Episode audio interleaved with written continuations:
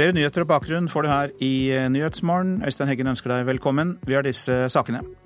Enda lavere lønninger til de som har lavest lønn, kan gi flere jobber, mener det svenske statistiske byrået. Politiet mener det kan skape frykt dersom skoler tar elever med på øvelser for å håndtere farlige situasjoner. Direktoratet for samfunnssikkerhet og beredskap er ikke enig. I USA blir 14 Zika-smittede personer undersøkt for om viruset kan ha smittet seksuelt. Og Michelin-stjerner deles ut i dag. Det, vi spør om det drysses gourmetstjerner også utenfor Oslo. Ja, Hvis de laveste lønningene øker mindre enn andre lønninger, kan innvandrere og andre med lite utdanning lettere få jobb. Det mener altså det svenske statistiske byrået. Roger Bjørnstad leder Senter for lønnsdannelse. Han tror konsekvensene blir andre. Vi må også huske på at eh, dersom vi oppretter mange lavkompetansearbeidsplasser, så bidrar vi også til å gjøre det mer attraktivt å komme til Norge eh, for alle de som er arbeidsledige i eh, hjemlandene sine. Og vi får dermed enda større utfordringer med å, å inkludere innvandrerne. Norge bør ikke gjøre som det svenske konjunkturinstituttet anbefaler i Sverige, å begrense økningen i de laveste lønningene. Det sier Roger Bjørnstad, som leder Senter for lønnsdannelse. Det er jo et virkemiddel for å få innvandrere og flyktninger raskere og, mer effektivt inn i arbeidsmarkedet. At det nemlig opprettes lavkompetansearbeidsplasser. Men dette viser det store dilemmaet vi i de nordiske landene står overfor som jo har verdens eh, høyeste lønninger for de med lavest kompetanse. Det statlige svenske konjunkturinstituttet har foreslått å tilpasse minstelønningene til den vanskelige situasjonen på arbeidsmarkedet, ved å øke de laveste lønningene mindre enn høyere lønninger i en periode. Det kan redusere utenforskapet, sier Åsa Olli Segendorf. Hun er sjef for arbeidsmarked i Sveriges statistiske byrå at man kan eh, hjelpe arbeidsmarkedet på traven gjennom å ikke eh, høye lägstalönerna i samme utstrekning som eh, de andre lønnene for tilfellet. Så i en tidsbegrenset periode så bør man ikke øke lønningene like mye på de laveste nivåene som på høyere nivåer? Det er sant. Mm. Anpasse lägstalönerna. Inger Lise Blyverket, som er direktør for arbeidslivspolitikk i Virke, er helt enig i de virkemidlene arbeidslivet allerede har bestemt seg for å bruke. Hun mener likevel samfunnet bør være mer åpent og diskutere flere typer tiltak som kan løse problemene med større utenforskap. Vi eh, har blitt enige om at det må moderat lønnsvekst eh, til for alle grupper. Og det vil også Virke forholde seg til. Men i tillegg til det så har vi tatt til orde for at vi må utrede spørsmålet om en nasjonal lovfestet minstelønn. All den tid vi ikke har et sånt definert nivå i Norge og det også kommer veldig mange nye arbeidstakere gjennom arbeidsinnvandring og andre folkevandringer, og banker på vår arbeidsmarkedsdør. Men tiltak med sikte på faste jobber og vanlig lønn er en bedre idé, sier LO-topp Mette Nord i Fagforbundet. Ja, jeg tenker at Det burde trepartssamarbeidet løse både på nasjonalt og lokalt nivå. Eh, og det å gå inn med den type virkemidler eh, istedenfor å si at man åpner opp for en, rett og slett en sosial dumping gjennom å senke lønningene bevisst, tror vi er en bedre løsning. Reporter, det var Hedvig Bjørgum.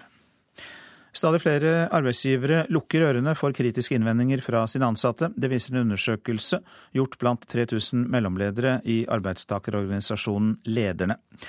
Av de spurte svarer kun 54 at deres arbeidsplass er åpen for eh, innspill ved faglig uenighet, skriver Dagens Næringsliv. Det er en nedgang på 10 prosentpoeng i løpet av tre år. I USA blir 14 Zika-smittede personer undersøkt eh, for om viruset kan ha smittet seksuelt. Blant de smittede er flere gravide.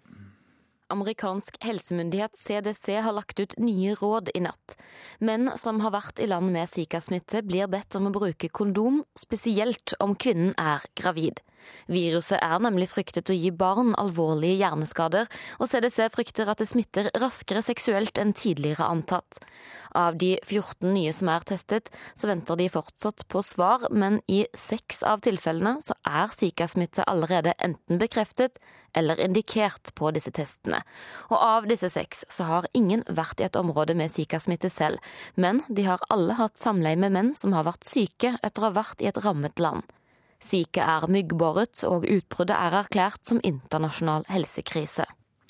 Reporter Elise Heisel Asbjørnsen, og vi legger til at sjefen for Verdens helseorganisasjon er i Brasil i dag for å diskutere det raskt voksende utbruddet der. Kun én av fem skoler har hatt en beredskapsøvelse med elever for å kunne øve på hva man kan gjøre hvis det oppstår en alvorlig hendelse. Direktoratet for samfunnssikkerhet og beredskap sier man bør involvere elevene, mens politiet mener at det kan skape frykt å ta elever med på slike øvelser.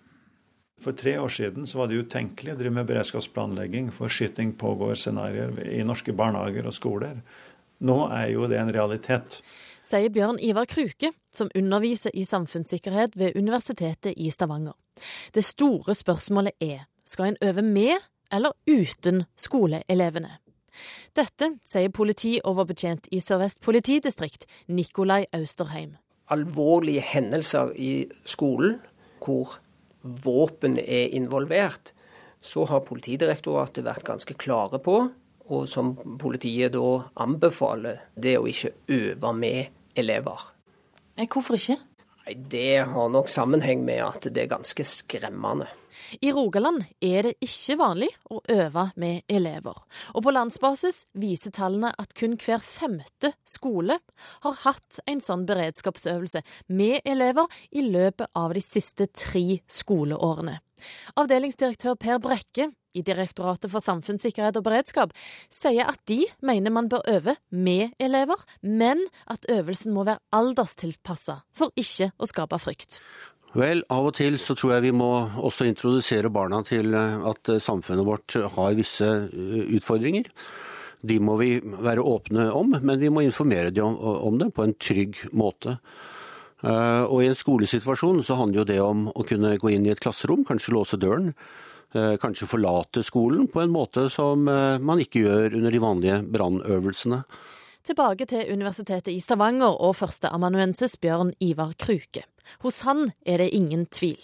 Vi må helt klart øve med eh, elever. Eh, spørsmålet er egentlig ikke vi, eh, om vi skal øve med elever, men hvordan vi øver med elever. Men hva da med de som sier at dette skaper frykt og redsel? Dette kommer an på hvordan vi øver. Vi skal ikke ha amerikanske tilstander med knallskudd. Og vi skal heller ikke kimse av at skolen har et, en eh, samfunnsoppgave, og det er å lære barn evakuering, bl.a. i forbindelse med brann. Det er en kunnskap som elevene tar med seg hjem. Det samme gjelder jo evakuering vekk fra en voldsperson. Reporter her, det var Lise Andreassen Hager. Vi kaster et blikk på avisenes forsider. Odins soldater stryker ut 1000 år med kristen historie og hopper tilbake til norrøn tid, mener biskop i Borg Atle Sommerfelt. Det sier han til Vårt Land. Dette har ikke noe med religion å gjøre, det svarer en talsperson for gruppen. Forfatteren Jon Fosse vil ta Odin tilbake fra de høyreekstreme, skriver Dagsavisen. Neste år setter han opp Edda på Det Norske Teatret. Den norrøne litteraturen er helt unik. Den tilhører alle, både Norden og verden ellers, sier Fosse til avisa. Sylvi er mer populær enn Siv, er oppslaget i Dagbladet. En meningsmåling viser at 31% av de spurte mener at innvandringsminister Sylvi Listhaug gjør en god jobb, mens det er 21% som mener det samme om finansminister Siv Jensen. Vil samle alle mediehus i Norge for å ta kampen opp mot Google og Facebook. Det sier Skipsteds styreleder Ole Jakob Sunde til Aftenposten. NRK og avisene skal være positive til forslaget, mens medieforskere frykter for mangfoldet. Amerikanske justismyndigheter tar nå beslag i VimpelComs korrupsjonsmilliarder og vil sende dem tilbake til Usbekistan, kan vi lese i Klassekampen. Men en usbekistansk forsker frykter at de hjemvendte pengene igjen kan komme på avveie.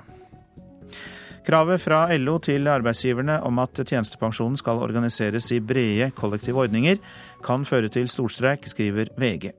LO-leder Geir Kristiansen gikk på et nederlag da kravet ble vedtatt etter et benkeforslag fra Handel og Kontor. Heftig krangel splitter alpinbygda Hemsedal, er oppslaget i Dagens Næringsliv. Under en idyllisk overflate kritiserer hytteeierne det svenske bookingselskapet Skistar, som prøver å sette en stopper for utleie via andre kanaler. Skistar bidrar til finansieringen av fellesgoder. Det er svaret fra en av Skistars ledere, Andreas Smith Eriksen. Bjørn Vidar Andreassen har kjørt vogntog feilfritt i 15 år, men nå har han mistet sertifikatet, skriver Nordlys. Grunnen er en ADHD-diagnose som 35-åringen fikk da han var åtte år gammel. Ifølge et nytt regelverk basert på et EU-direktiv kan ikke folk med ADHD få sertifikat for tunge kjøretøyer og buss lenger.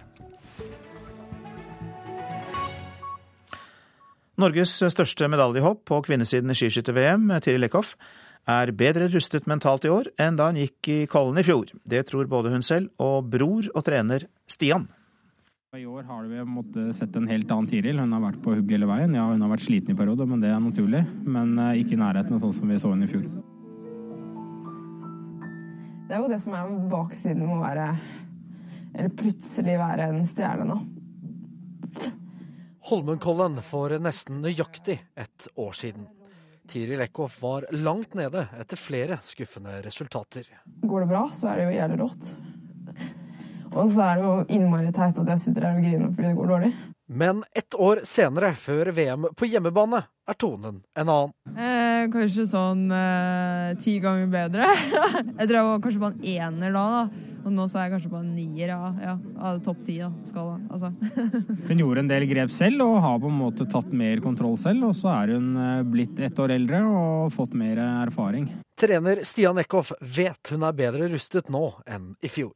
Ja, det går ikke an å sammenligne. Tiril eh, var vel litt sånn mentalt uh, ferdig allerede etter Anterselva når det gjaldt fjorårssesongen.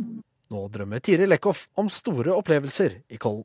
Jeg drømmer om uh, folkefest og masse mennesker, og at uh, folk heier på meg, og at jeg får gjort det jeg skal på standplass, og at jeg kommer i mål.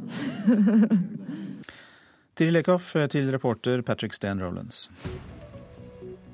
Du lytter til Nyhetsmorgen. Klokka er 6.45 eh, der. Dette er eh, hovedsaker. Donald Trump har vunnet det republikanske nominasjonsvalget i Nevada, melder flere amerikanske medier. Det er i så fall Trumps tredje seier på rad i nominasjonskampen. Enda lavere lønninger til de som har lavest lønn, kan gi flere jobb, mener det svenske statistiske byrået.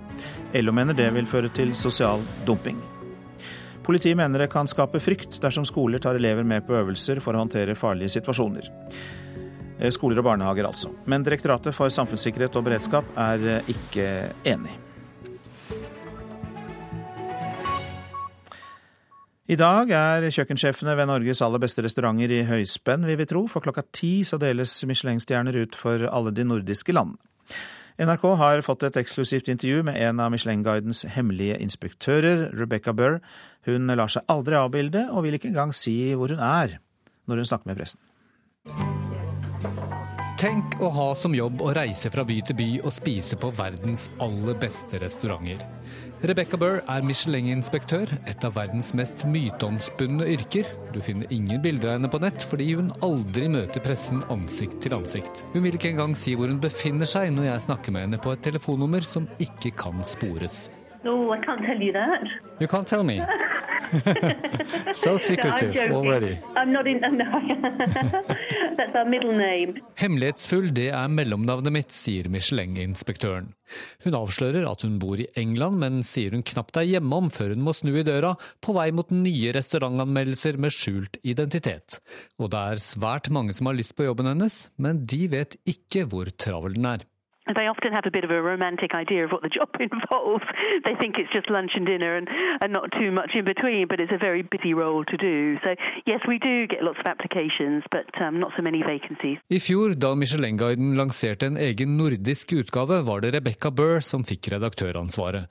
Det er altså hun som bestemte at verken Bergen, Stavanger eller Trondheim skulle få stjerner. Da det ble kjent, haglet kritikken. Det er jo en god greie for Norden at de da kommer etter med Nordisk Guide, og da bør de virkelig virkelig ta seg bryet med å reise rundt og faktisk eh, å besøke eh, de plassene som er verdt å besøke, for det er ganske mange av de. Det er på håret til en liten skandale, syns jeg. Sa daglig leder ved Gastronomisk institutt i Stavanger, Tommy Rånti. It's funny, you know, I've, spent, been speaking to journalists all over Scandinavia for many years, and you've always been so nice, but we, we've, we've had a bit of a rough ride recently, and I've, it's quite it's quite amazing, really, and a bit sad. En annen kritiker var matskribent Andreas Viestad. I fjor så lanserte de den uh, guiden over de nordiske byene med stor fanfare. I, I, Norge så var det bare Oslo som var besøkt. Og så kan du si En ting som gjelder ekstra for uh, Norge og Norden, er jo det at uh, det er veldig lett å oppdage dem. Så når en Michelin-inspektør er i byen, så vet hele restaurantmiljøet det. Da kan du gjøre ditt for å sørge for at de får den aller beste restaurantopplevelsen de kan ha. Om det er flere norske byer som blir tatt inn i årets guide, vil ikke Rebecca Burr avsløre før pressekonferansen klokka ti senere i dag. Og når det gjelder å holde seg anonym, sier hun at Michelin opererer med to ulike typer inspeksjoner. En hver 18. måned, der alle stjernerestaurantene får et varslet besøk. Og så er det de uannonserte og anonyme kontrollene i tillegg. Og hun er fullt klar over at mange restauranter vet at inspektørene kommer, men det er det egentlig ikke så mye å få gjort noe med. But, you know, there are lots of people that travel around and, um, you know, hopefully we can blend in. Reporter Petter Sommer. Aina Seberg Lyon, god morgen til deg. God morgen. Du er sjefredaktør i matmagasinet Nord. Er du misunnelig på Rebecca Burr? Nei, det er jeg faktisk ikke. Det må jeg si jeg ikke er. Jeg tror hun har en jobb som er tøffere enn de fleste. Jeg får også lov til å spise rundt på restauranter litt, i hvert fall. En del. Og det å jobbe med det, det er beinhardt, tror jeg. Det er det, ja. Ok, vi eh, skal ta for oss Michelin-stjernene. Og eh, i fjor så var du her. Du var kritisk til utdelingen. Hvorfor? Jeg synes at, man skal, at de skal huske altså Nå er det jo cities det dreier seg om. Nordic cities. Og det er jo ikke så mange cities i Norge. Oslo er vel så vidt der oppe. Men jeg synes det er synd at ikke de går for det de egentlig startet med på 30-tallet. Det å, å ranke renke maten. Det er matopplevelsen. Og her går folk og pusser sølvtøy til de griner og står på pinne, og alt skal være stivt og strungt. Men det er maten det skal dreie seg om, og der er det virkelig mange som har mye å by på. Ja, eh, hva håper du på i år? At det kan bli en endring? F.eks. Stavanger eller Bergen, kan de få stjerne? Jeg mener at både Stavanger og Bergen og også Trondheim kan få det. Burde få det basert på de originale kriteriene. Og jeg tror at det skjer litt i Oslo også. Men hva tror du om det? Tror du at det er en sjanse for at Trondheim, Stavanger eller Bergen får stjerne? Jeg tror det. Du tror det? Jeg tror det. Eh, Jeg tror Lysverket får stjerne i Bergen. Jeg tror Renå får stjerne i Stavanger. Og jeg tror kanskje også Credo får stjerne i Trondheim. Yes, flagget kan gå til topps i flere byer, kanskje. Eh, Men eh, ellers så har du også sagt at det er for mye pynt og jåleri rundt Michelin-tildelingene. Eh, Du var litt inne på det. Eh, Hva mer kan du si om det, at det er blitt eh, for mye rundt det? Jeg syns det er veldig viktig at folk skal forstå hva som er viktig med disse opplevelsene, som er maten. Og hedre råvarene og vise det talentet som de pågjeldende kokkene har. Det er jo som idrett, det er jo som malerkunst, det er som, som all kunst. Er du virkelig, virkelig helt spesiell i din klasse og forstår å behandle råvarene og vise hvor du hører til, da, som en skiløper eller som en fotballspiller, så kan du få dette fantastiske eh, hengende på deg som er en stjerne eller tre. To-tre. Eh, Men du må virkelig kunne håndverket ditt, og det ønsker jeg meg at folk skal respektere og forstå. Og det skal ikke være nødvendig med helt stiv snipp for å nyte den maten. Og i Frankrike så er det jo masse høl i veggen, som jeg kaller det, som har stjerne, stjerner. Og det er eh, rare, små, koselige steder med eh, ikke de koselige stearinlysene vi har her. Det er eh, mamma eller pappa som står i kjøkkenet, og de har kanskje en fiskesuppe å by på som er helt eksepsjonell. Så en Michelin-opplevelse i Frankrike er noe annet enn her. Eh, For manges del, ja. Eh, For det første er det jo hundrevis av stjerner. Mm. Men jeg mener f.eks. at eh, det er merkelig at Ørjan Johannessen, som, som er vår nå gjeldende Bocuse d'Or-vinner, altså verdensmester i kokkekunst, at ikke han har fått besøk. Det tror jeg ikke han har. Og at man tviler på at han klarer å koke den beste fiskesuppa, i hvert fall blant dem, her oppe på berget, på sin restaurant. Det syns jeg er veldig rart at ikke utkanten får litt besøk. Hvor er det han koker den? Han koker den på i Bekkjarvik. Uh, og Bekkjarvik er jo ikke bare å komme til sånn uh, helt uh, på fem minutter. Og Michelin-restaurantinspektørene bruker nok kanskje ikke helt den reisetiden og legger ned de eh, musklene i å besøke disse spennende landene vi representerer her, som de gjør i Frankrike eller mer tilgjengelige land. Men så er det også en belastning å få disse stjernene. I det siste så har vi jo hørt om restauranter i Oslo som har eh, trappet ned, kuttet ut, stengt. Og har, de har hatt Michelin-stjerne, men det hjelper ikke, det er for slitsomt. Ja, Det er vel ikke bare for slitsomt som er grunnen til det. altså For uh, Jallis vedkommende så tror jeg ikke det var det som det dreide seg om i det hele tatt. Even Ramsvik uh, var deleier og jobbet så mye som det går an å gjøre. jeg tror ikke han er utslitt, jeg tror bare han er sulten på noe annet annen type lokale. Eh, det var vanskelig, lite kjøkken. En, eh, om den var verneverdig, vet jeg ikke, men gården der var vanskelig å jobbe i. Og Even er i full gang med noe spennende nytt som eh, vi får vite mer om i mars. Mens Bjørn Svensson og gjengen der, jeg tror de er lei av å ikke føle seg frie nok og føle seg bundet på hender og føtter hele tiden av folks forventninger.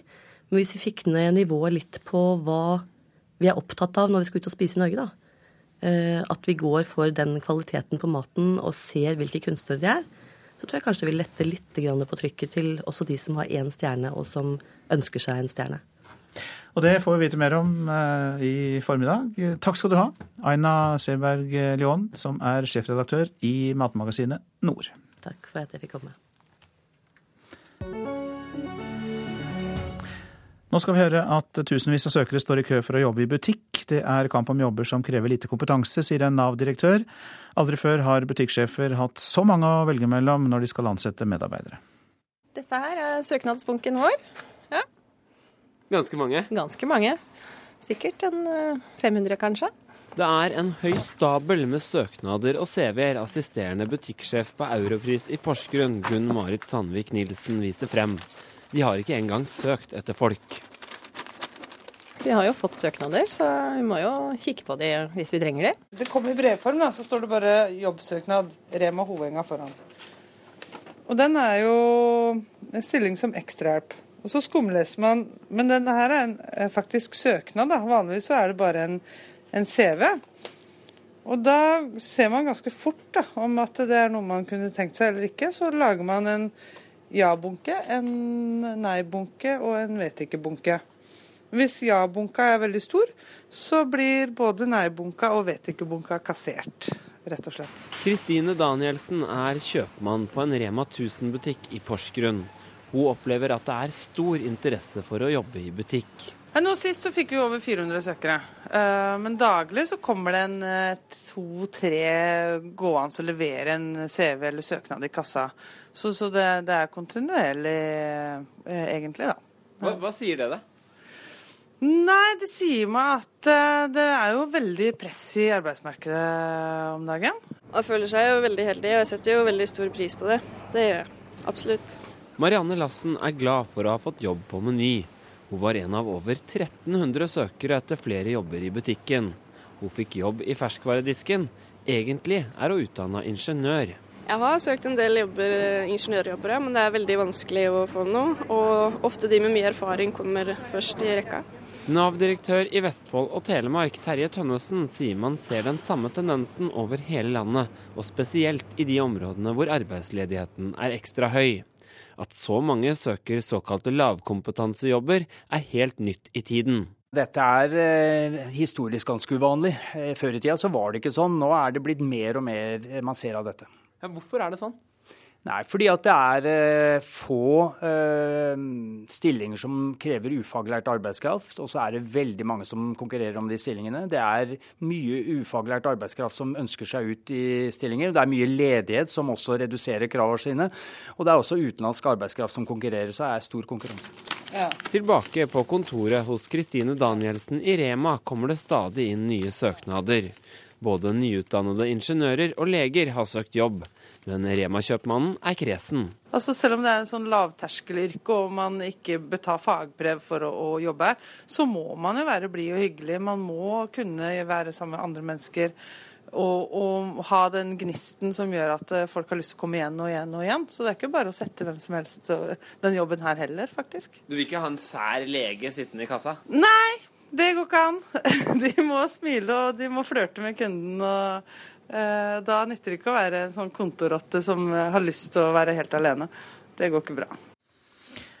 Og denne reportasjen var laget av Stian Vårsø Simonsen.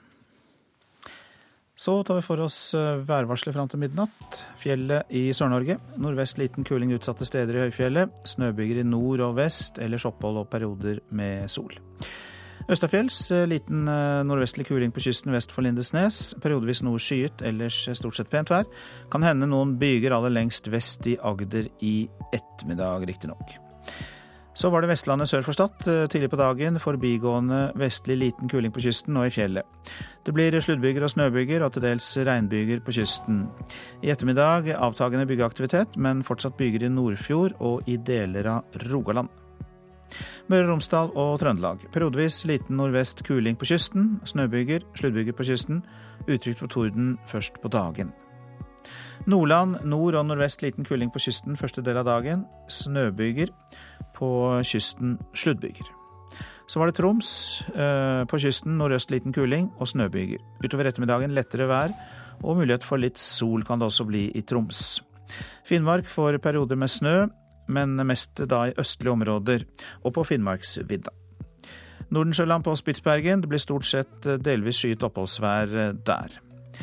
Så tar vi med oss temperaturer som ble målt eh, klokka fire i natt. Svalbard lufthavn minus én, Kirkenes minus elleve, Vardø minus to, Alta minus åtte, Tromsø minus tre. Så går vi over på plussgrader. Bodø tre, Brønnøysund, Trondheim, Værnes og Molde alle med to grader. Bergen, Flesland og Stavanger null grader. Så var det Kristiansand-Kjevik med pluss to grader, og så dukker det opp noen minusgrader her igjen. Gardermoen minus fire, Lillehammer minus sju, Røros eh, minus eh, fire og Oslo-Blindern eh, minus to grader.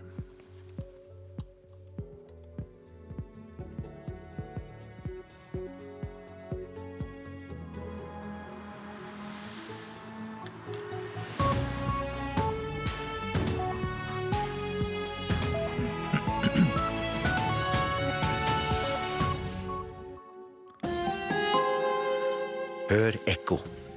Har du noen gang vært i en tradisjonell begravelse, sett deg rundt og tenkt dette her er vel ikke helt som den døde ønska det? Det blir stadig større rom for å gjøre gravferden mer individuell, i tråd med den avdødes ønsker. Men hvem er egentlig begravelsen for? Den som har forlatt oss, eller oss som blir tilbake? Ekko 9 11 i NRK P2. Donald Trump vinner sitt tredje nominasjonsvalg i USA. Og kjøkkensjefene ved Norges beste restauranter er i høyspenn. I dag deles Michelin-stjernene ut. Her er NRK Dagsnytt eh, klokka sju ved Tone Nordahl. We love Nevada. We love Nevada. Thank you. Ja, Donald Trump har altså vunnet sitt tredje nominasjonsvalg i USA. I Nevada viser de foreløpige resultatene at Trump har fått 42% av stemmene, mens Marco Rubio kommer på andreplass med 25% Vår USA-korrespondent Tove Bjørgaas følger valget.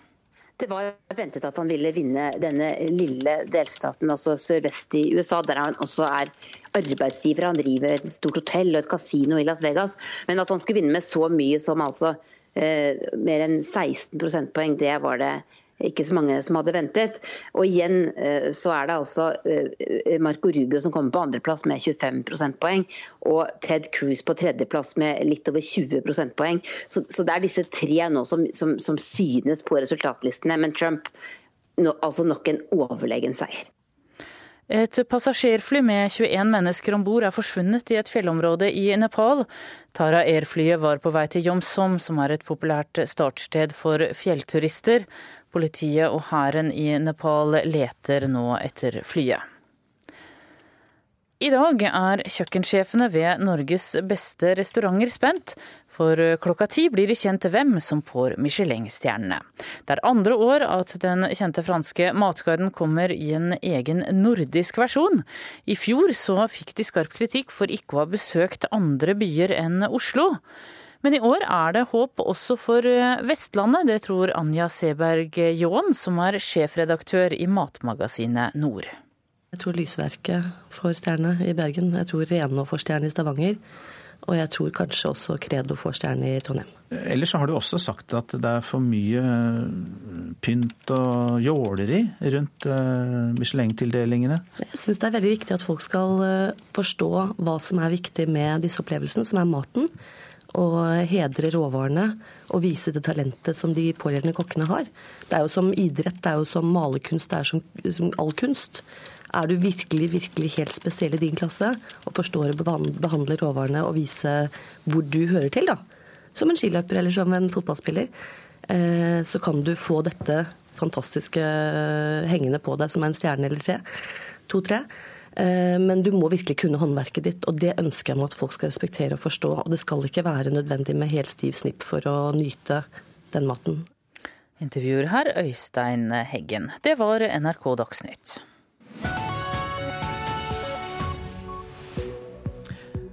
Nyhetsmorgen fortsetter med disse sakene. 5000 barn er i barnehager med et inneklima som ikke er godkjent. Hva sier Norges astma- og allergiforbund til det? Vi tar inn vår USA-korrespondent med mer fra nominasjonsvalget i Nevada, som ble vunnet av Donald Trump. Mindre skattelettelse og fokus på ansvarlig økonomisk styring, det kan bli Høyres politikk fram mot neste stortingsvalg. Og stadig flere land stiller spørsmål ved menneskerettighetene som absolutt prinsipp, mener Amnesty, som også kritiserer Norge.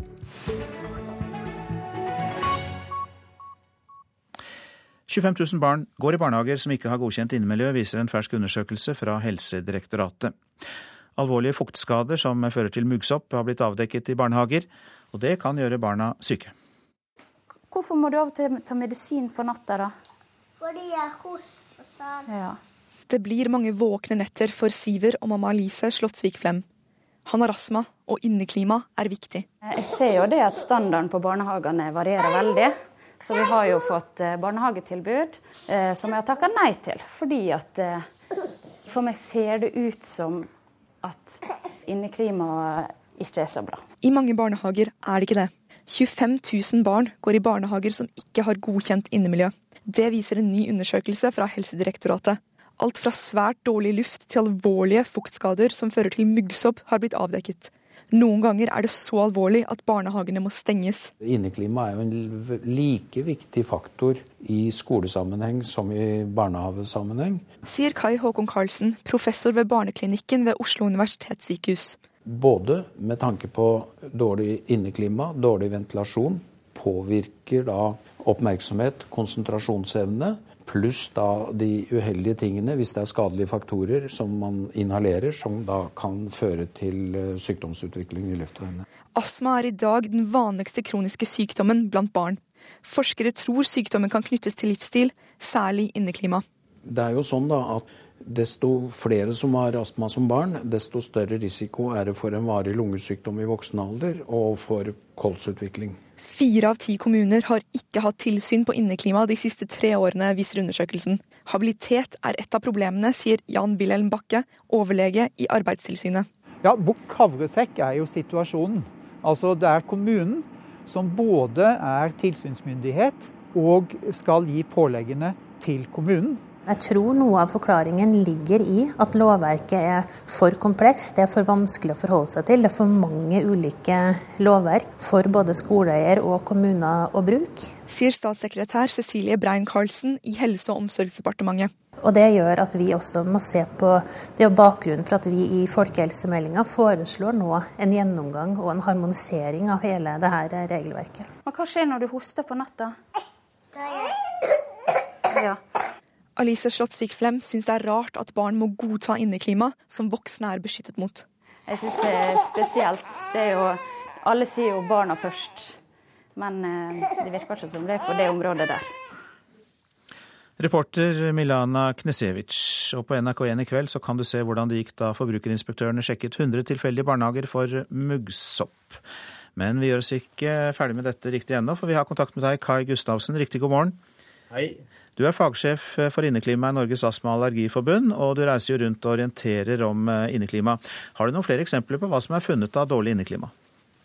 Ja, vi er jo rundt i Norge og si, har en del kurs og foredrag om inneklima. Da. Og det vi ser, som det er dessverre, det er jo at inneklima, handling uteblir fordi at man tror dette ofte er veldig kostnadskrevende og dyrt. Og man gjør ikke disse enkle grepa som kan gjøre at barn og ansatte kan friske, bli friske på, i barnehagen. Holde seg friske. Enkle grep, det er sannsynligvis ikke bare å åpne døra, ga ut fra? Nei, det er ikke det. Og eh, for å si, si enkle grep, så er det jo veldig trist å komme i barnehager der du ser vann renne mot uh, vegglivet. Altså det er takrenner som uh, renner over av vann. Vann renner langs ned veggen og inn, inn i, barnehagen. Og man blir da syke. Og det er jo på en måte litt selvforskyldt. Kommunen har jo selvfølgelig kommunen, hvis det er en kommunal barnehage eller en privat barnehageeier, har ansvar for å følge med på hvordan barnehagen driftes og vedlikeholdes. Og skal påse at si, bygningskroppen er er god, slik at man kan da fungere og, og ikke bli syk av bruken. Dette vannet du nevner der som trenger inn i barnehagen, er det det som da kan føre til uh, muggsopp og dermed skadelig inneklima? Vann er jo uskyldig i første omgang, men når det kommer da inn i, kan si, under barnehagen, i krypkjeller og i kjeller og langs veggliv, så blir det da fukt som treffer da, si, organisk materiale, så blir det da dessverre eh, kan det bli muggsopp og andre ting. Da, og da vet vi at barn og ansatte blir syke. Men hvilke andre ting, hvilke signaler er det vi kan eh, bruke da, for å finne ut av dette med inneklima, i tillegg til det at uh, vannet ikke skal renne ned langs veggen og inn under barnehagen? Eh, det jeg vil anbefale for foresatte, det er at når du kommer, følger barnet ditt i barnehagen, åpner døra til barnehagen, kjenner tung luft stillestående, her lukter det kanskje litt fra toalettet og alt dette, da er det mest sannsynlig et ventilasjonsanlegg som ikke går. Da bør man kanskje snakke litt sammen med andre foreldre. Kanskje ta det opp med, ta det opp med styre, leder. Og hvis ikke det nytter, så må man gå den klageveien man kan gjøre for å få gjort noe med det. Og dette er jo da ikke bare ubehagelig, dette er jo noe som eh, virker inn på eh, helsen. Og hvordan gjør den det? Dere kjenner jo til det, dere i Astma- og Allergiforbundet. Ja, og vi har jo, si, vi har jo ikke så, vi har heldigvis henvendt fra mange fra Astma- og Allergiforbundet, men det er veldig mange utenfor som ikke er medlemmer. Men de, de bruker da, si, kontakter oss for å få støtte veiledning. Hvordan går jeg fram? For det er ikke lett å finne fram i denne jungelen for å få det bedre for barnet mitt. Og vi vet jo at de som har astma, de blir verre. Og de som har allergier, får jo en verre allergi. Og de som kan si sliter med inneklima eller har problemer i det hele tatt, de, de får problematisk når man har tung luft i barnehagen, høy temperatur og eh, eventuelt en, eh, en fuktskade som er ført til muggsopp. La oss uh, gi noen tips da, til de som er på vei til barnehagen i dag og syns at lufta er for tung og at uh, det kan være lukt som ikke hører hjemme der. Hva bør de da gjøre? Ja, det første de bør gjøre, er jo kanskje å Jeg håper de har en god dialog med barnehagen. For det første er å løse alt på lavest mulig nivå. Ta det opp med leder, styrer, og nevn problemet. For jeg tror i denne verden vi lever i dag, så er de fleste interessert i å få tilbakemelding konstruktivt. Ofte kan også foresatte da gjøre en del sammen. Hvis det er en privat barnehage eller andre med dugnad, så kan man kanskje gjøre litt noe i fellesskap for å, for heve standarden på det. Men det, vi ser jo at det blir ikke gjort noe, for man vet jo ikke hva man skal gjøre. Men vi er jo så heldige altså De som får et innblikk i inneklima, vet jo at inneklima består av fem miljøer. og Da kan man jo eh, se hva man kan gjøre i temperaturmiljøet, lufta vi puster i, lyd, støy, og utforming, innredning og lys og stråling. Da blir så, da blir det håndgripelig. Og vi har jo sett at det, Begynner man å gjøre noe, så skjer en positiv si, utvikling i barnehagen. Mange takk skal du ha, Kai Gustavsen, fagsjef for inneklima i Norges astma- og eh, allergiforbund. Nå om den store vindkraftutbyggingen i Trøndelag, for den gjør mer kraft tilgjengelig i strømnettet. Det vil bidra til å presse prisen på strøm videre ned, hevder fagdirektør i Statistisk sentralbyrå Torstein By, og det er jo til glede for eh, forbrukerne. Denne lyden vil om få år høres fra 278 nye vindturbiner på Fosen, Hitra og Snillfjord og 3,4 TWh fornybar energi velter innover strømnettet. Til stor glede for forbrukerne, hvis du kun ser på strømregninga, skal vi tro fagdirektør i Statistisk sentralbyrå Torstein By. Vi har uh, veldig lave priser i Norge, og det er begrensa overføringskapasitet til utlandet. Når vi da bygger ut mer kapasitet uh, for å produsere, så vil det bidra til å presse prisene nedover. Det vil si at strømregninga blir egentlig billigere. Og By får støtte fra professor i elkraftteknikk ved NTNU, Magnus Korpås. Selve strømregninga den vil ikke bli dyrere, for når det først er beslutta å bygge et vindkraftverk, og det er i drift, så koster det veldig, veldig lite å drifte et vindkraftverk. Reporter var Grete Tobro. Klokka den er snart 7.12. Dette er uh, hovedsaker. Donald Trump uh, vant sitt tredje nominasjonsvalg i USA. I Nevada viser de foreløpige resultatene at Trump uh, fikk 42% av stemmene, mens Marco Rubio kom på andreplass med 25% og Mer om det ganske straks i Nyhetsmorgen. 25 000 barn er i barnehager med innemiljø som ikke er godkjent. Det viser en fersk undersøkelse fra Helsedirektoratet. Blant annet er alvorlige fuktskader blitt avdekket. Og vindkraftutbyggingen i Trøndelag kan føre til billigere strøm for eh, forbrukerne, hørte vi. Og et passasjerfly med 21 mennesker om bord er forsvunnet i et fjellområde i Nepal. Tara Air-flyet var på vei til Johnson, som er et populært startsted for fjellturister. Ja, Donald Trump eh, vant i Nevada. Det er foreløpige resultater som viser det. 42 av eh, stemmene mens Marco Rubio kom på andreplass med 25% Og her skal vi høre hva seierherren hadde å si til dette. We love Nevada. We love Nevada. Thank you. Thank you. You know, we weren't expected a couple of months ago, we weren't expected to win this one. You know that, right? We weren't. Of course, if you listen to the pundits, we weren't expected to win too much, and now we're winning, winning, winning the country. And soon the country is going to start winning, winning, winning. Ja, det var Donald Trump som snakket om sin vinn-vinn-situasjon der. Korrespondent Tove Bjørgaas, du følger jo valget.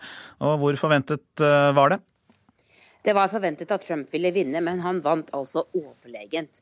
Nå har han fått 45% av stemmene og vinner altså med mer enn 20 prosentpoeng over Marco Rubio på andreplass med 25 og Ted Cruz med rundt 20 det som også er nytt eh, ved dette valget, er at Trump altså vinner i alle velgergrupper. Han vinner blant de rike, han vinner blant de fattige, han vinner blant eh, de evangelisk kristne, og han vinner til og med blant de latinamerikanske velgerne i Nevada. Vinner rund baut, ser det ut til. Ja, det har vært snakk om kaos rundt gjennomføringen av dette valget i natt. Fortell oss mer. Det har vært en god del uregelmessigheter. Det har vært vanskelig å oppdrive stemmesedler. Eller dette er jo valgmøter, da. Men man må ha papirer for å komme inn. Det har vært dårlig ID-sjekk, sier folk. Det har vært krangling under disse nominasjonsmøtene. Jeg var selv på de demokratiske nominasjonsmøtene i Nevada på lørdag, og der ble det åpenløst, åpenlyst munnhuggeri på det møtet jeg var på. Så det er litt spesiell valgform, dette her. Men uansett så er det altså Donald Trump som har vunnet, og det viktigste for det som skjer videre nå, er at han også nå har innkassert sin tredje seier, og at han vinner med større margin for hver gang. Men hvor viktig er denne ørkenstaten Nevada, da? Det er vel ikke all verdens med antall innbyggere der? Eh, det er ikke all verdens med antall innbyggere, og er altså relativt få som stemmer ved dette som deltar i disse republikanske nominasjonsmøtene. Nevada er imidlertid en viktig delstat ved presidentvalg i november, fordi dette er en delstat som, som kan vippe mellom partiene. Eh, en delstat med mange latinamerikanske eh, velgere, eller velgere med latinamerikansk bakgrunn.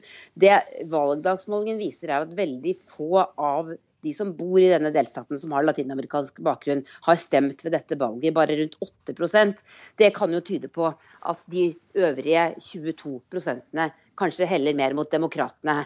Det er jo dette som er det store spørsmålet. Eh, det er jo veldig mange som sier at de ikke kunne tenke seg å stemme på Donald Trump. Eh, vil de stemme på demokratene i november, eller hva skjer med dem eh, hvis han da skulle bli nominert? Vi får se. Takk skal du ha for den rapporten om Nevada, korrespondent Tove Bjørgaas. Antall briter som vil bli i EU er nå nesten like mange som vil at Storbritannia skal forlate unionen. Oppslutningen til EU-motstanderne faller med sju prosentpoeng i en ny måling for The Times sammenlignet med forrige måling. Men fortsatt eh, er det ett prosentpoeng flere nei enn ja-folk. En av fire britiske velgere har eh, ennå ikke bestemt seg heller.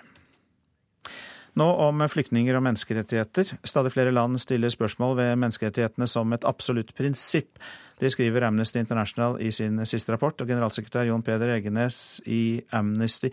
Hva legger dere i det? Nei, Vi blir jo ekstremt bekymret. For vi ser altså en utvikling der uh, menneskerettighetene er under angrep. Uh, ikke bare i den forstand så vi dessverre har gjort oss vant til at mennesker får sine rettigheter brutt, men at også stater i, skal vi si, i hele spekteret av uh, politiske systemer går til angrep på menneskerettighetene som idé, som prinsipp, prinsipp og som verdier. Hva med Norge, da?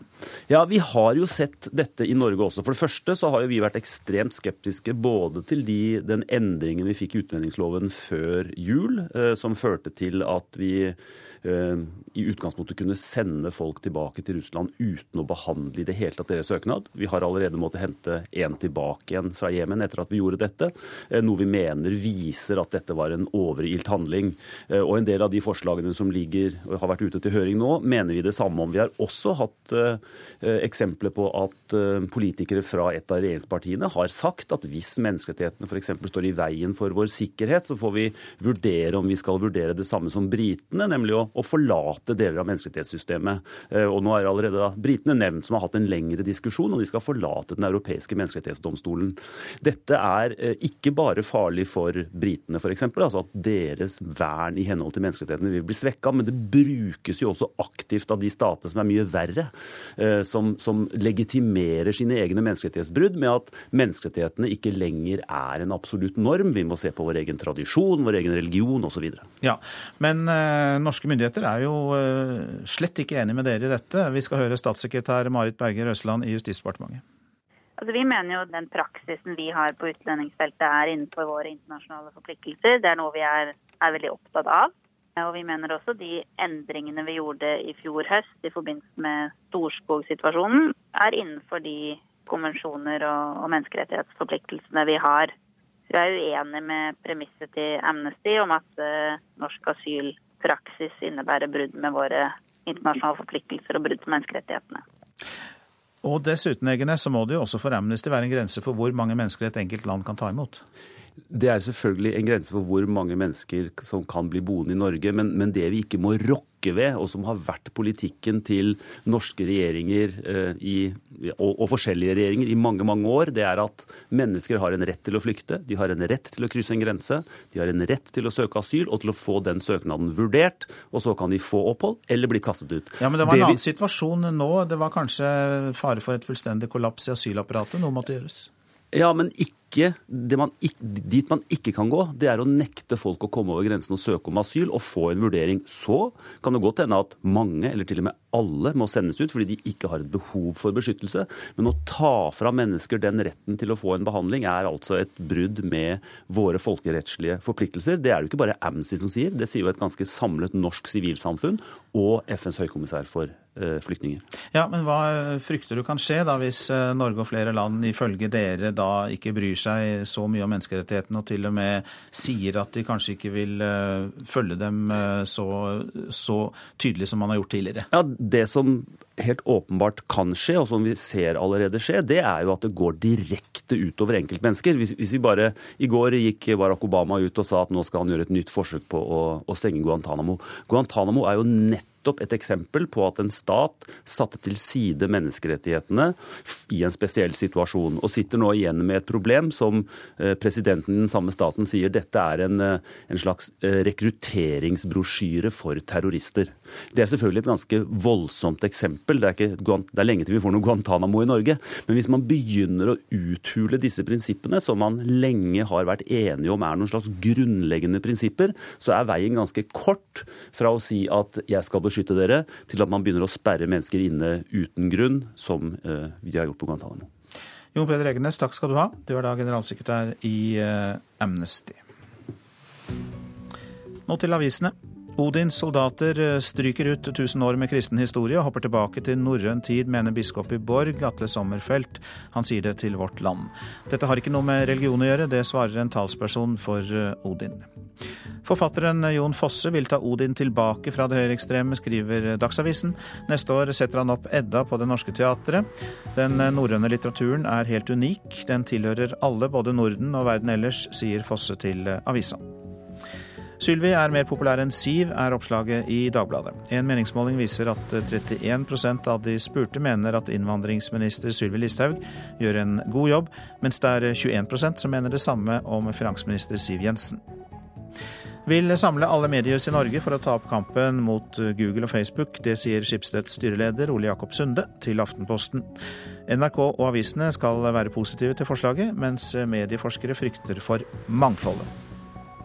Amerikanske justismyndigheter tar nå beslag i VimpelComs korrupsjonsmilliarder og sender dem tilbake til Usbekistan, kan vi lese i Klassekampen. Men en usbekistansk forsker frykter at de hjemvendte pengene igjen kan komme på avveie. Kravet fra LO til arbeidsgiverne om at tjenestepensjonen skal organiseres i brede kollektive ordninger, kan føre til storstreik, skriver VG. LO-leder Geid Kristiansen gikk jo på et nederlag da kravet ble vedtatt, etter et benkeforslag fra Handel og Kontor. Heftig krangel og splitter alpinbygda Hemsedal, er oppslaget i Dagens Næringsliv. Under en idyllisk overflate kritiserer hytteeiere det svenske bookingselskapet Skistar, som prøver å sette en stopper for utleie via andre kanaler. Skistar bidrar til finansiering av fellesgoder. Det er et av svarene fra en av lederne der, Andreas Smith Eriksen.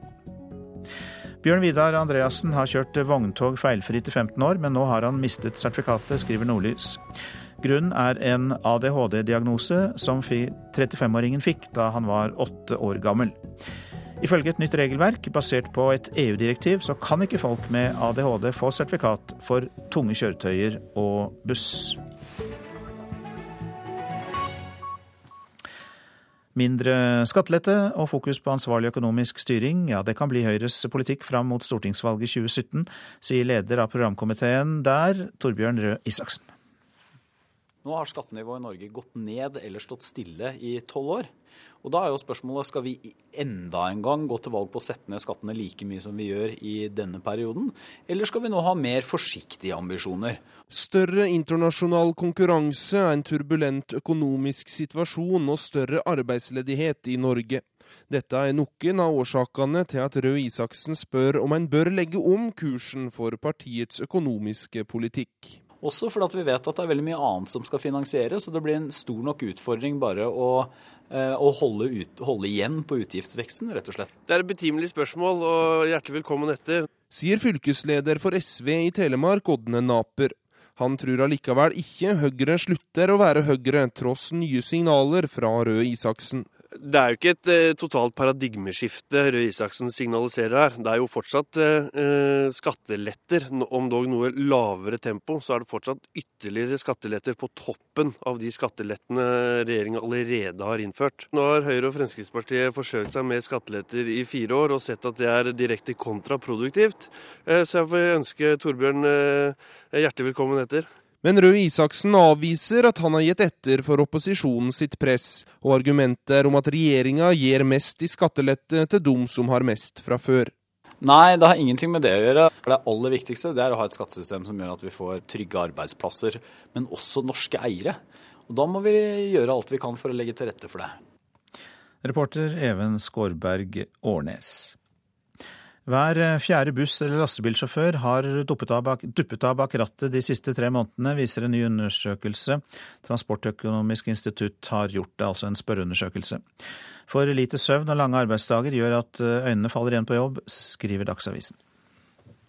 Hverdagen til en gjennomsnittlig lastebilsjåfør er slik.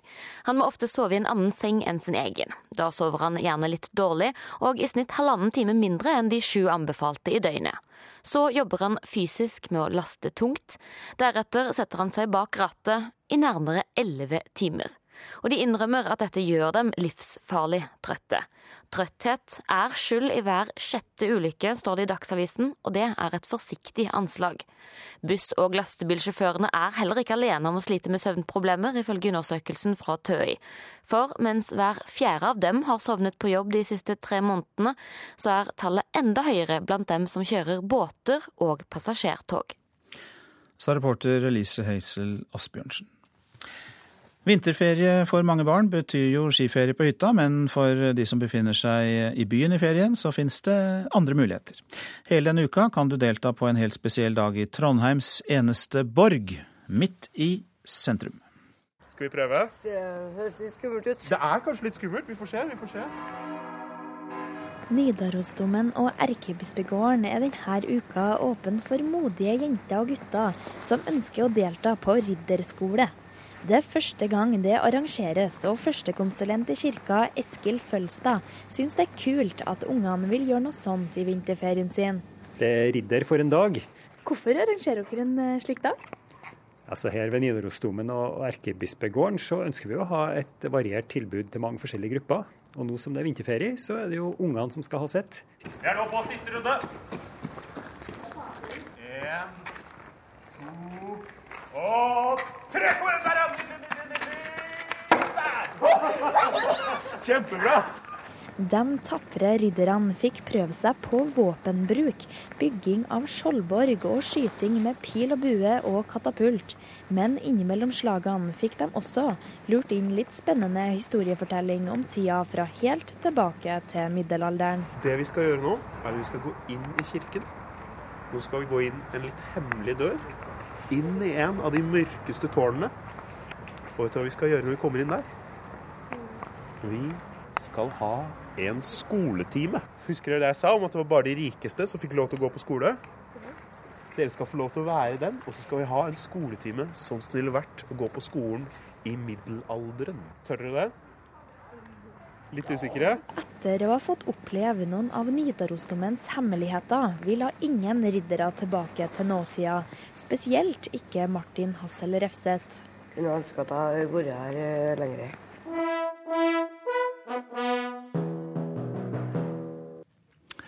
Og Ridderskolen i Trondheim den fortsetter både i dag og i morgen, så det er fortsatt muligheter for eh, dem som har lyst, hvis du er i nærheten. Reporter eh, var Camilla Skanke. San Marino raser mot de nye reglene i Eurovision Song Contest. De nye reglene innebærer at juryen bestemmer eh, stemmer fra de respektive juryens stemmer fra de respektive landene skal leses opp først, og så går man til telefonstemmene. Men om et land ikke har nok telefonstemmer, så vil disse stemmene ikke telle i det hele tatt, og i stedet blir landet gitt en poengsum som et gjennomsnitt av de andre landenes stemmer. Og dette er et stort problem for San Marino, for de har jo bare 30 000 innbyggere. Ja, du lytter til Nyhetsmorgen, og produsent i dag er Sven Gullvåg. Her i studio Øystein Heggen. I sin ungdom jobbet presidentkandidat Bernie Sanders som frivillig på kibbutz i Israel. Mer om det i reportasjen etter Dagsnytt. Og beskyldningene mot Jan Tore Sanner om at han vil snike fram kommunesammenslåinger, det er tema for Politisk kvarter, der kommunalministeren selv møter opp, selvfølgelig. Ordføreren i Gol, Heidi Granli fra Arbeiderpartiet, og Anne Beate Tvinnereim fra Senterpartiet får du også møte der.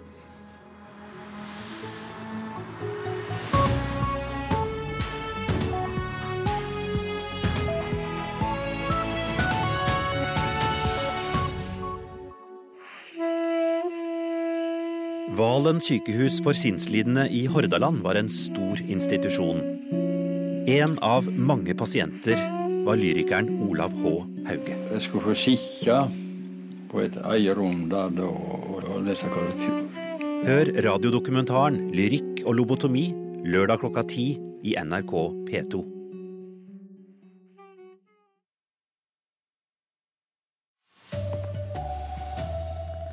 Hard kamp om jobbene mange steder i landet. Nå kommer det tusenvis av søknader til én butikkjobb. 25 000 barn går i barnehager som ikke har godkjent inneklima. Det kan gjøre dem syke. Og Donald Trump vant sitt tredje nominasjonsvalg i USA i natt. We love Nevada. We love Nevada. Thank you. Thank you. Her er NRK Dagsnytt klokka 7.30 ved Tone Nordahl. Ja, tusenvis av jobbsøkere står nå i kø for å få en butikkjobb. Flere steder i landet er det hard kamp om jobbene man ikke trenger noe særlig utdanning for å få, men mange av søkerne har høy utdanning. Aldri før har butikksjefer hatt så mange å velge mellom når de skal ansette folk.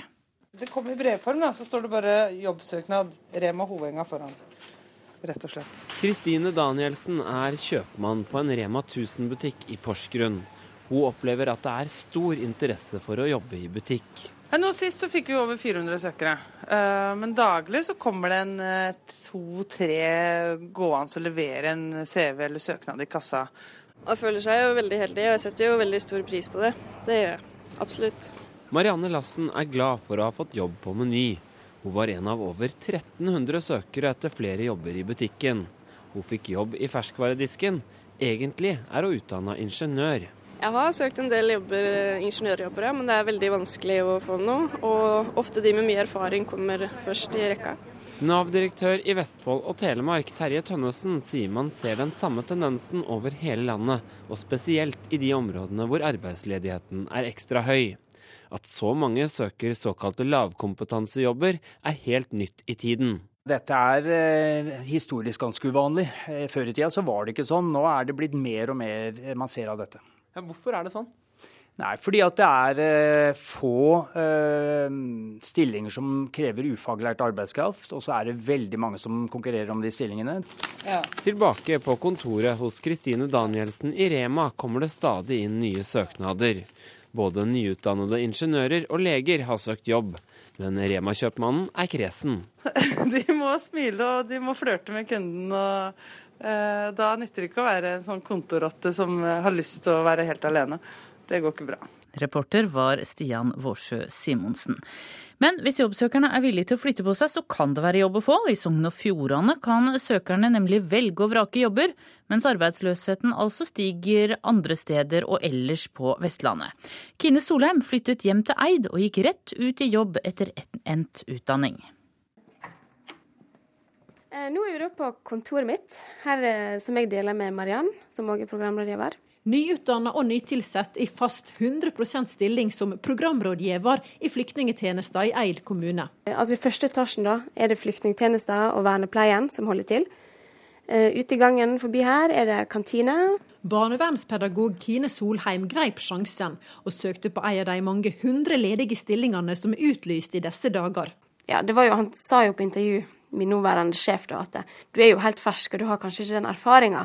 Men eh, jeg svarte vel at ja, men jeg har jo ingen erfaring. Jeg er jo nyutdanna, så jeg må jo kanskje begynne en plass. Så dette vil jeg gjerne høre på andre intervju òg. Så du må gi meg en sjanse. Og Solheim fikk sjansen. Jo, jeg er kjempefornøyd. Jeg stortrives. For meg er det drømmejobben. Sogn og Fjordane skiller seg ut. Jobbsøkere kan velge og vrake i stillingsannonser. Medan arbeidsløysa øker og tallet på ledige stillinger går ned i nabofylka, ble det i januar registrert 634 nye stillinger i Sogn og Fjordane.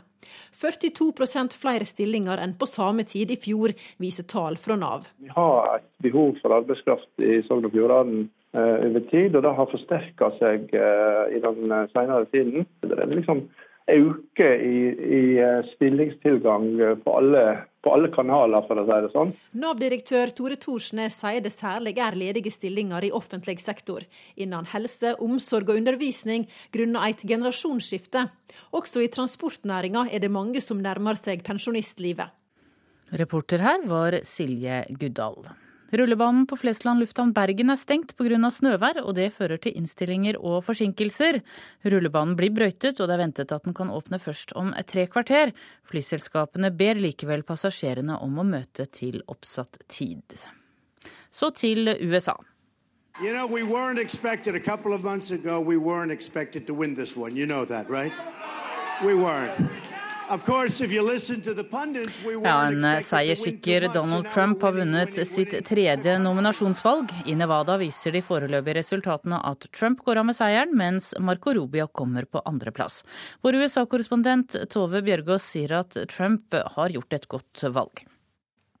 Det var forventet at Trump ville vinne, men han vant altså overlegent. Nå har han fått 45% av stemmene og vinner altså med mer enn 20 prosentpoeng over Marco Rubio på andreplass med 25 og Ted Cruz med rundt 20 det som også er nytt eh, ved dette valget, er at Trump altså vinner i alle velgergrupper. Han vinner blant de rike, han vinner blant de fattige, han vinner blant eh, de evangelisk kristne, og han vinner til og med blant de latinamerikanske velgerne i Nevada. Det sa vår USA-korrespondent Tove Bjørgaas. 25 000 barn her i landet går i barnehager som ikke har godkjent innemiljø. Det viser en undersøkelse fra Helsedirektoratet. Blant annet er det avdekket alvorlige fuktskader som fører til muggsopp, og det kan gjøre barna syke. Hvorfor må du av og til ta medisin på natta, da? Fordi jeg hoster og sånn. Ja. Det blir mange våkne netter for Siver og mamma Alice Slottsvik Flem. Han har astma, og inneklima er viktig. Så vi har jo fått eh, barnehagetilbud eh, som jeg har takka nei til. Fordi at eh, for meg ser det ut som at inneklimaet ikke er så bra. I mange barnehager er det ikke det. 25 000 barn går i barnehager som ikke har godkjent innemiljø. Det viser en ny undersøkelse fra Helsedirektoratet. Alt fra svært dårlig luft til alvorlige fuktskader som fører til muggsopp, har blitt avdekket. Astma er i dag den vanligste kroniske sykdommen blant barn. Forskere tror sykdommen kan knyttes til livsstil, særlig inneklima. Og eh, det er jo sånn da at eh, desto flere som har astma som barn, desto større risiko er det for en varig lungesykdom i voksen alder og for kolsutvikling. Sier Kai Håkon Karlsen, professor ved barneklinikken ved Oslo universitetssykehus. Fire av ti kommuner har ikke hatt tilsyn på inneklima de siste tre årene, viser undersøkelsen. Lovverket er for komplekst, det er for vanskelig å forholde seg til. Det er for mange ulike lovverk for både skoleeier og kommuner å bruke. Og Det gjør at vi også må se på Det er bakgrunnen for at vi i folkehelsemeldinga foreslår nå en gjennomgang og en harmonisering av hele dette regelverket. Sier statssekretær Cecilie Brein-Karlsen i Helse- og omsorgsdepartementet. Alice Slottsvik Flem syns det er rart at barn må godta inneklima som voksne er beskyttet mot. Jeg syns det er spesielt. Det er jo, alle sier jo barna først, men eh, det virker ikke som det er på det området der.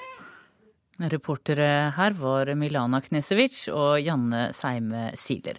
På NRK1 i kveld så kan du se hvordan det gikk da forbrukerinspektørene sjekket 100 tilfeldige barnehager for muggsopp. Og du kan også gå inn på nettsidene våre på nrk.no for å se oversikten over barnehager. Et passasjerfly med 21 mennesker om bord er forsvunnet i et fjellområde i Nepal. Tara Air-flyet var på vei til Jomsom, som er et populært startsted for fjellturister. Politiet og hæren i Nepal leter etter flyet nå. Så om mat. I formiddag blir det kjent hvilke restauranter i Norden som får Michelin-stjerner. I fjor fikk folkene bak den franske matguiden kritikk for at de ikke hadde vært utenfor Oslo, men i år kan det være håp også for Vestlandet. Tenk å ha som jobb å reise fra by til by og spise på verdens beste og dyreste restauranter. Rebecca Burr er Michelin-inspektør, et yrke fylt av hemmelighold. Hun møter aldri pressen ansikt til ansikt, og vil ikke si hvor hun befinner seg. Oh, hun er også redaktør for den nordiske Michelin-guiden, som ble utgitt for første gang i fjor. Da kokte det over for norske matkjennere da det ble klart at ingen andre norske byer enn Oslo var blitt anmeldt. Det er på håret til en liten skandale, syns jeg. Sa daglig leder ved Gastronomisk institutt i Stavanger, Tommy Rånti. En annen kritiker var matskribent Andreas Viestad. Han har ingen tro på at guiden blir særlig bedre i år, selv om han vet at Michelin-inspektørene har vært på Vestlandet. Nå vet jeg at de har vært i Bergen, i hvert fall. Så det blir spennende å se om de, det kommer noe stjernetrist der. Hvordan vet du at de har vært i Bergen? Det er veldig lett å oppdage dem. Så når en Michelin-inspektør er i byen, så vet hele restaurantmiljøet det. De vet godt hvem det er det serveres. Rebecca Burr vil ikke røpe noe fra årets guide før klokka ti, men sier det er synd at guiden ikke fikk bedre mottakelse i fjor. We, we've, we've had a bit of a rough ride recently, and it's quite, it's quite amazing, really, and a bit sad. Ja, klokka ti får vi altså svaret. Reporter var eh, Petter Sommer. Ansvarlig for Dagsnytt i dag, Bjørn Christian Jacobsen.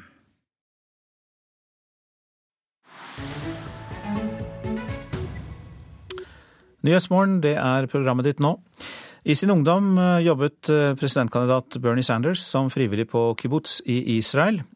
Vi er stolte, men vi husker ham ikke, sier israelerne på landbrukskollektivet presidentkandidaten var på for 50 eh, år siden. CNN spør om det var der Sanders eh, ble så radikal.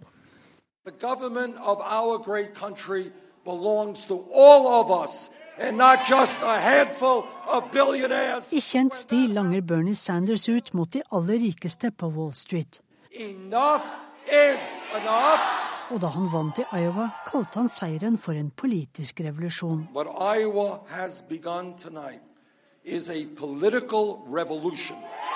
Men hvordan ble Bernie Sanders fra Brooklyn, nå senator i delstaten Vermont, så radikal? Han omtaler seg selv som en demokratisk sosialist. CNN spør om tiden i kibbutz radikaliserte ham. Et lite kollektiv nord i Israel, bygget opp etter Sovjetunionens kommunistiske idealer, kan ha svaret på hvordan den amerikanske presidentkandidaten Bernie Sanders utviklet og formet sitt politiske syn, skriver Will Ripley i CNN. Etter å ha lett og spurt fant israelsk presse til slutt kibbutzen presidentkandidaten bodde på noen måneder i 1963 eller 64. Kibbutz Shar HaAmakim like ved havnebyen Haifa. Medlemmene på kibbutzen er veldig stolte, men de husker ham ikke. Vi husker ham ikke personlig, men vi tok godt vare på alle de mange frivillige som kom hit gjennom årene, husker Ori Shalev, nå en gråhåret kibbutznik ikledt en rutete flanellskjorte. Kanskje de ble imponert over oss og tok med seg litt jødedom hjem. Men etter hva jeg forstår, er ikke Sanders interessert i å fremheve sin jødiskhet, sier Shalev til Reuters. Albert Eli er den eneste som vagt minnes en Bernie eller Bernard. I remember somebody said Bernard, said it's a French, French people. Said no, it's an American. And that stayed in my mind. It's an American called Bernard. Jeg husker bare at noen sa Bernard, det er fransk, han er franskmann. Men så sa noen at nei, Bernard er en amerikaner. De små landbrukskollektivene som dannet ryggraden i de sionistiske samfunnene i Palestina før 1948, er ikke lenger tuftet på et sosialistisk system. I dag er de mer som små landsbyer å regne. Men på 60-tallet levde kibbutznikene etter slagordet yt etter evne, få etter behov. Barna bodde på barnehus, alle kibbutzmedlemmene spiste måltidene sine sammen i en spisesal. Jobbene gikk på omgang, penger fantes ikke internt, og menneskene ble definert etter innsatsen for fellesskapet. At Bernie Sanders er forbundet med Sharha Amakim er en stor ære for oss. Verdiene og den sosialdemokratiske ideologien han snakker om, er tuftet på kibbutzens verdier, også kibbutzen av i dag, sier leder for Sharha Amakim, Yair Merom, til Reuters. Sanders absolutte motsats i valgkampen, Donald Trump, synes det er utrolig at en radikaler som Sanders, en kommunist som Trump kaller ham, har nådd så langt. I never thought we'd see the day in our country when a communist, because that's really, you think about it, when a communist is the leading Democrat. We're going to have a communist against an entrepreneur. I like. Det ville være topp å konkurrere mot en kommunist, sier entreprenøren, kapitalisten og reality-kjendisen som leder på republikansk side. Og reporter her, det var eh, Sissel Wold. Dette er hovedsaker i Nyhetsmorgen. Det er hard kamp om jobbene mange steder i landet. Nå kommer det tusenvis av søknader til butikkjobber. Aldri før har butikksjefer hatt så mange å velge mellom når de skal ansette folk. 25 000 barn er i barnehager med innemiljø som ikke er godkjent. Det viser en fersk undersøkelse fra Helsedirektoratet. Blant annet er alvorlige fuktskader blitt avdekket. Donald Trump eh, har vunnet sitt tredje nominasjonsvalg i USA. I Nevada viser de foreløpige resultatene at Trump har fått 42 eh, av stemmene, mens Marco Rubio kommer på andreplass med 25% Og nå er det Politisk kvarter, programleder Siv Sandvik.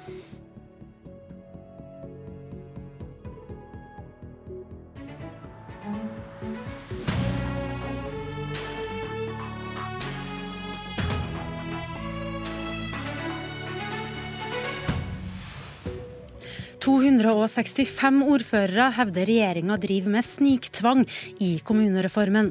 Bruker Jan Tore Sanner den økonomiske pisken for å få det som han vil? Eller er det sånn at rød-grønne politikere roper tvang uansett hva kommunalministeren gjør? Velkommen til Politisk kvarter. Og før eh, rikspolitikerne skal ta debatten, så skal vi høre med noen som eh, kjenner sammenslåingspresset på kroppen. Heidi Granli, Arbeiderpartiordfører i Gol, velkommen. Takk. Du er en av de 265 ordførerne som vi hørte om eh, på Dagsrevyen i går, som har vært med på et opprop som advarer mot de foreslåtte endringene i inntektssystemet. Hva er grunnen til at du skrev under? Nei, Jeg ser meg nødt til å må skrive under på det. For, eh, for Gol kommune sin del så er forslag til endringer til inntektssystemet det samme som å si at en kutter eller halverer basistilskuddet. Eh, det er 7 millioner kroner for Gol kommune, og det er en stor sum. Eh, jeg mener at den summen er såpass stor at den bryter med prinsippet om at alle innbyggere skal ha like tjenester uansett hvor de bor i landet. Det, og Forslagene samla sett gir òg usikkerhet om det økonomiske grunnlaget til kommunene. Og, og For oss så oppleves det som et virkemiddel i reformarbeidet, eh, der en presser fram kommunesammenslåinga. Ja, Før de her forslagene kom, så var Gol i samtaler med tre andre kommuner om mulige sammenslåinger. Hvor står den prosessen nå? Ja, Ei Gol kommune gikk bredt ut, og vi prata med flere enn kun de tre. Men det var ikke før etter valget med nye politiske ledere at vi falt ned på et fire-alternativ. Så kom det nye inntektsforslagene til, det, til det nye inntektssystemet, og grusa litt det håpet om å bli ei storkommune. For to av de fire kommunene ble ufrivillig små. Eh, og de gikk da ut med en økonomisk gevinst på å stå alene. Mens vi to andre i midten, vi gikk ut med et økonomisk tap.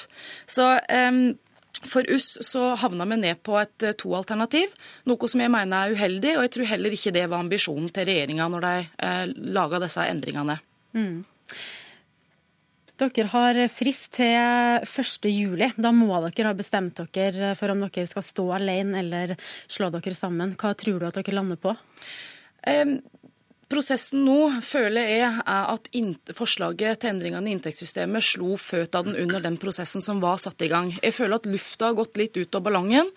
Eh, og vi sitter igjen med begrensa muligheter for å få en god og solid framtidskommune. Eh, som politisk leder så er det vanskelig eh, når det gjelder eh, å skape entusiasme. Og jeg føler at Gol skal fortsette, som vedtaket sier, å jobbe fram en kommunesammenslåingsprosess. Men jeg skulle ønske at arbeidet skulle handle om mer enn økonomi. Da sier jeg takk for at du kom, Heidi Granli, ordfører i Gol.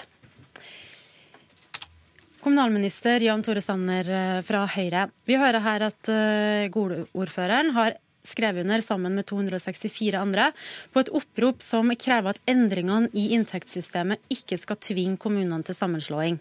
Hva er grunnen til at mellomstore kommuner i tettbygde strøk skal få mindre penger dersom de ikke slår seg sammen med naboen? Det er eh, bred enighet eh, på Stortinget om at eh, vi trenger sterkere velferdskommuner. Både for å kunne møte innbyggernes behov, men også for å kunne håndtere de store utfordringene som kommunene står overfor. Problemet med dagens inntektssystem det er at det straffer kommuner dersom de ønsker å slå seg sammen. Derfor legger vi det om, slik at det blir mer lønnsomt for kommunene Eh, å gå sammen og skape nye kommuner. Det blir et mer rettferdig system, og det blir, eh, blir et system som bygger opp under målet om sterkere velferdskommuner. Men her hørte vi jo nettopp en virkelighetsbeskrivelse fra Gol som forteller at små kommuner lenger ut i distriktene de velger å bli stående alene fordi de eh, tjener på det. Og så er det de kommunene i midten da, som føler seg mer eller mindre pressa til å slå seg sammen. Var det meninga med dette inntektssystemet? Jeg er veldig enig med ordføreren på Gol i at eh, kommunereformen det skal handle om veldig mye annet enn inntektssystemet. Det skal først og fremst handle om hvordan, hvordan man kan skape sterke fagmiljøer. Det basistilskuddet som, som vi her diskuterer, det handler om, eh, om, om, det kommunene får dekket til byråkrati, til ren administrasjon. Det handler med andre ord ikke om skoler, barnehager og omsorg. Men, syv det handler om, men 7 millioner for Gol er jo uansett mye penger. Jo, men, men men, poenget her det er at hvis du er en kommune med få innbyggere og stort areal, eh, så vil du fortsatt få fullt basistilskudd for å dekke administrative utgifter. Men hvis du er en kommune hvor avstanden er kortere, da kan du slå deg sammen, og da trenger du ikke å få fullt basistilskudd. Og jeg mener at det er jo heller ikke rettferdig at en kommune som kan slå seg sammen, sender en ekstra regning til innbyggerne i alle andre kommuner. Så du mener at dagens eh, regime straffer dem som slår seg sammen, og da vil du heller straffe dem som ikke slår seg sammen? Det er ingen tvil om at dagens inntektssystem det fryser fast en, en foreldet kommunestruktur hvor man straffer kommuner som går sammen, hvor man belønner kommuner som er små og velger å være små. Vi legger om inntektssystemet slik at vi kan få sterkere velferdskommuner som kan gi innbyggerne bedre tjenester. Men Stortinget har bestemt at det skal være reell frivillighet når det er snakk om sammenslåing. Hvor reell er den frivilligheten når kommunene som ikke gjør som du vil, taper penger? Ja, Dette handler som sagt om de pengene de får til administrasjon. Eh, det handler ikke om tjenestene til, til, til innbyggerne. Og hvor reell, er, hvor reell, er, friheten når du blir straffet hvis du ønsker å gå sammen? Vi er nødt til å få et inntektssystem som, teker, som peker fremover, og som fanger opp det Stortinget mener, nemlig at vi skal ha sterkere velferdskommuner for fremtiden. Da kan vi ikke ha et inntektssystem som fryser fast dagens eh, kommunestruktur. Dagens kommunestruktur den er gått ut på dato. Anne Beate Tvinnereim, nestleder i Senterpartiet. Sanner sier jo her at stortingsflertallet ønsker at flere kommuner skal slå seg sammen. Er det ikke da også logisk at regjeringa går inn for et inntektssystem som stimulerer til akkurat det? Stortingsflertallet sa også at det skulle være reell frivillighet. Men det inntektssystemet det legges opp til nå, er en pisk. Eh, og det er, jeg vil gå så langt som å si at deler av dette inntektssystemet er ren utpressing av kommuner som ønsker å ha en god eh, og demokratisk forankra prosess for sine eventuelle eh, sammenslutninger. Og så er det sånn at inntektssystemet, altså Dette er veldig komplisert og mange komponenter, men inntektssystemet skal jo Eh, eh, dekke eh, reelle kostnader ved tjenestetilbud f.eks. Derfor så har man ordninger i det inntektssystemet som gjør at små kommuner får dekka for avstandskostnader. Man har også grep som handler om at hvis man har veldig mange eldre i en kommune, som ofte er tilfellet i en del grisgrendte distriktskommuner, så skal man kompenseres for det. Det Sanner gjør nå, er en rekke små grep som handler om at det blir eh, vanskeligere å være småkommune enn å være storkommune. Eh, men det er faktisk ikke det verste i det han gjør. Eh, fordi eh, han påstår nå at, eh, at, eh, inntektssystemet straffer kommuner som slår, slår, seg sammen. Det vil jeg gjerne utfordre deg på, Sanner. For det du gjør, er jo at du sier at du skal fjerne inndelingstilskuddet dersom, har, dersom kommunene ikke har gjort en beslutning om sammenslåing innen 1.7. Eh, inndelingstilskuddet er altså et tilskudd hvor kommuner som slår seg sammen, får beholde eh, de tidligere tilskuddene sine, da, økonomien sin, i 15 pluss 5 år etter sammenslåing. Det var et grep som eh, den, som den rød-grønne regjeringa eh, forbedra, faktisk. Nettopp for at, skulle, eh, for, for at, det skulle være en stimulans til å slå seg sammen dersom man mente at, at det var fornuftig for kommunen sin. Sanner sier at hvis ikke dere gjør vedtak innen 1.7, så fjerner jeg den goden. Det eh, gjør at kommunene nå har panikk og jeg snakka med mange ordførere der ute som sier at de ønsket en god, demokratisk forankra prosess. De ønska folk, eh, folkeavstemning i kommunene sine. Men Sanner sier nå nei, da straffer jeg dere økonomisk. Jeg trekker det tilbake. Eh, så jeg vil utfordre deg, Sanner. Dersom du mener at man skal ha gode prosesser der ute, hvorfor trekker du tilbake det ene eh, tilskuddet som faktisk er ment å, å, å ja, stimulere da, til sammenslåing? Ja, nå bygger du hele ditt resonnement på, på, på, på, en feil. Fordi at eh, vi skal ikke trekke noe inndelingstilskudd tilbake. Det ligger i, det ligger i inndelings... men nå tror jeg rett og slett at veldig mange av våre lyttere har dette av, for nå blir det veldig teknisk. Men, hør, hør her, når, du fører, når, du fører, et resonnement på, på, to minutter som bygger på en grunnleggende feil fordi at eh, Det Senterpartiet viser til her, det er det inndelingstilskuddet, og det er da at du får beholde småkommunetilskudd og basistilskudd i 15 år. Det vil du fortsatt gjøre. Men det vi har lagt inn som en ekstra gulrot, det er at, at det vil bygge på inntektssystemet i 2016. Det andre som også er feil, det er at eh, avstandsulemper ikke blir kompensert. I inntektssystemet så vil det fortsatt eh, små kommuner med store avstander få full kostnadsdekning fordi at de må ha små skoler pga. store avstander. Det eneste vi snakker om her, det er, de, det er det tilskudd som går til administrasjon i kommunene. Og det er ikke riktig at én kommune skal insistere på at man skal sende regning til innbyggerne i alle andre kommuner. Vi er nødt til å få et inntektssystem som gjør det lønnsomt å bygge sterke velferdskommuner for fremtiden, ikke fryse fast dagens, dagens kommunestruktur. Da har jeg et spørsmål om akkurat det, Tvinnereim. Basistilskuddet er jo først og fremst ment for å dekke administrasjon. Det er rundt 13 millioner uansett hvor stor kommunen er.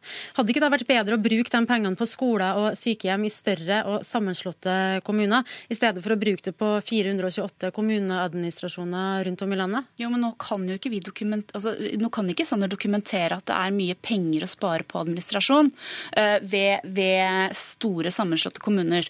Uh, tvert imot så har hans egen, eget ekspertutvalg påpekt at uh, ja, kanskje en optimalstørrelse ligger på 15 000 innbyggere. Herom strides de lærde. Men, men det er jo nettopp den størrelsen som kommer til å tape på inntektssystemet som Sanner legger opp til. Det er de ti største kommunene i Norge som kommer til å springe av gårde med 900 millioner av, av gevinsten ved denne omlegginga. Men, men altså, Sanner, dette er oppsiktsvekkende nye nyheter, rett og slett.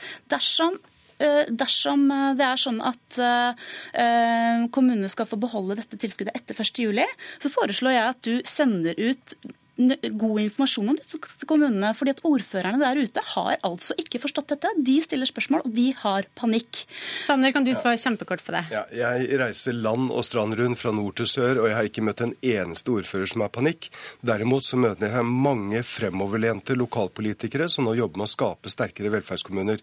Min jobb det er å heie på de ordførerne, for de tenker på innbyggerne sine. Dette handler om barn i barnevernet, det handler om, barne, om, sko, om barneskoler, det handler om eldreomsorg. Vi må skape sterkere velferdskommuner for å kunne gi innbyggerne gode tjenester. Da sier jeg takk for at eh, dere kom, Jan Tore Sanner og Anne Beate Tvinnereim. Vi hører jo at Høyre og Senterpartiet er veldig uenige om hvordan det nye inntektssystemet slår ut. Og I et forsøk på å rydde litt opp her, så skal vi høre med politisk kommentator i NRK, Lars Nehru Sand. Seks av ti ordførere mener seg nærmest utsatt for utpressing av kommunalministeren. Har de grunn til å føle seg økonomisk pressa til å slå seg sammen? Det inntektssystemet vi har hørt en debatt om her, er et såpass viktig verktøy for Jan Tore Sanner i den prosessen han nå er i gang med, at det ville vært rart om han ikke brukte det til å nå målet sitt. Men samtidig er han jo avhengig av at kommunene da føler at de selv følger med i svingene og har kontroll og eh, oversikt. Eh, Jan Tore Sanner er ikke bare avhengig av at, har, at kommunene har tillit til han og hans opplegg, men også at de har tillit til hverandre. Og Hvis så mange ordførere føler at her er det tall eller eh, beregninger de ikke har oversikt over, så kan jo det i ytterste konsekvens eh, forsinke eller eh, gjøre et annet utfall av de prosessene Sanner har satt i gang. Det er 265 ordførere som har skrevet under. Ingen av dem er fra Høyre eller Fremskrittspartiet. Betyr det at ordførerne fra regjeringspartiene er såre fornøyd med hvordan prosessen går? Jeg tror i hvert fall det vi har lært av denne debatten også fra før valgkampen 2013, er at det er ingenting annet i kommunesammenslåingsdebatten som handler om partiskiller. Det er mange av kommunesammenslåingene som allerede er vedtatt, hvor Senterpartiet har gått i bresjen, f.eks. Så det å tro at alle i Høyre er, er veldig fornøyd, eh, vil så fall har overraska, som det nok er en del eh, steder hvor Høyre kanskje har tatt et valg eh, på dette, så, så tror jeg nok at mange Høyre-ordførere også eh, skulle sett at tallene slo bedre ut for, for egen del. Høringsfristen for inntektssystemet den går ut 1.3, og så har kommunene til 1.7 med å bestemme seg for hvem de skal leke med. Tror du tidsplanen til Sanner kan holde? Ja, det kan den. altså Til nå er det bare fatta 11, kommuner som har fatta vedtak om å, å, slå seg sammen. Eh, men det er ca. 350 kommuner som fortsatt er i en eller annen form for prosess. Jeg tror mange av de eh, vil nok føle at den prosessen ikke kommer helt i mål, men i en rekke av de så vil det bli fatta nye vedtak om eh, færre og større kommuner. Så det å kalle dette for fiasko eller forhasta arbeid er altfor tidlig å gjøre nå. Takk skal du ha, politisk kommentator her i NRK, Lars Nehru Sand. Vi er tilbake i morgen tidlig. I mellomtida så kan du høre oss på podkast. Mitt navn det er Siv Sandvik.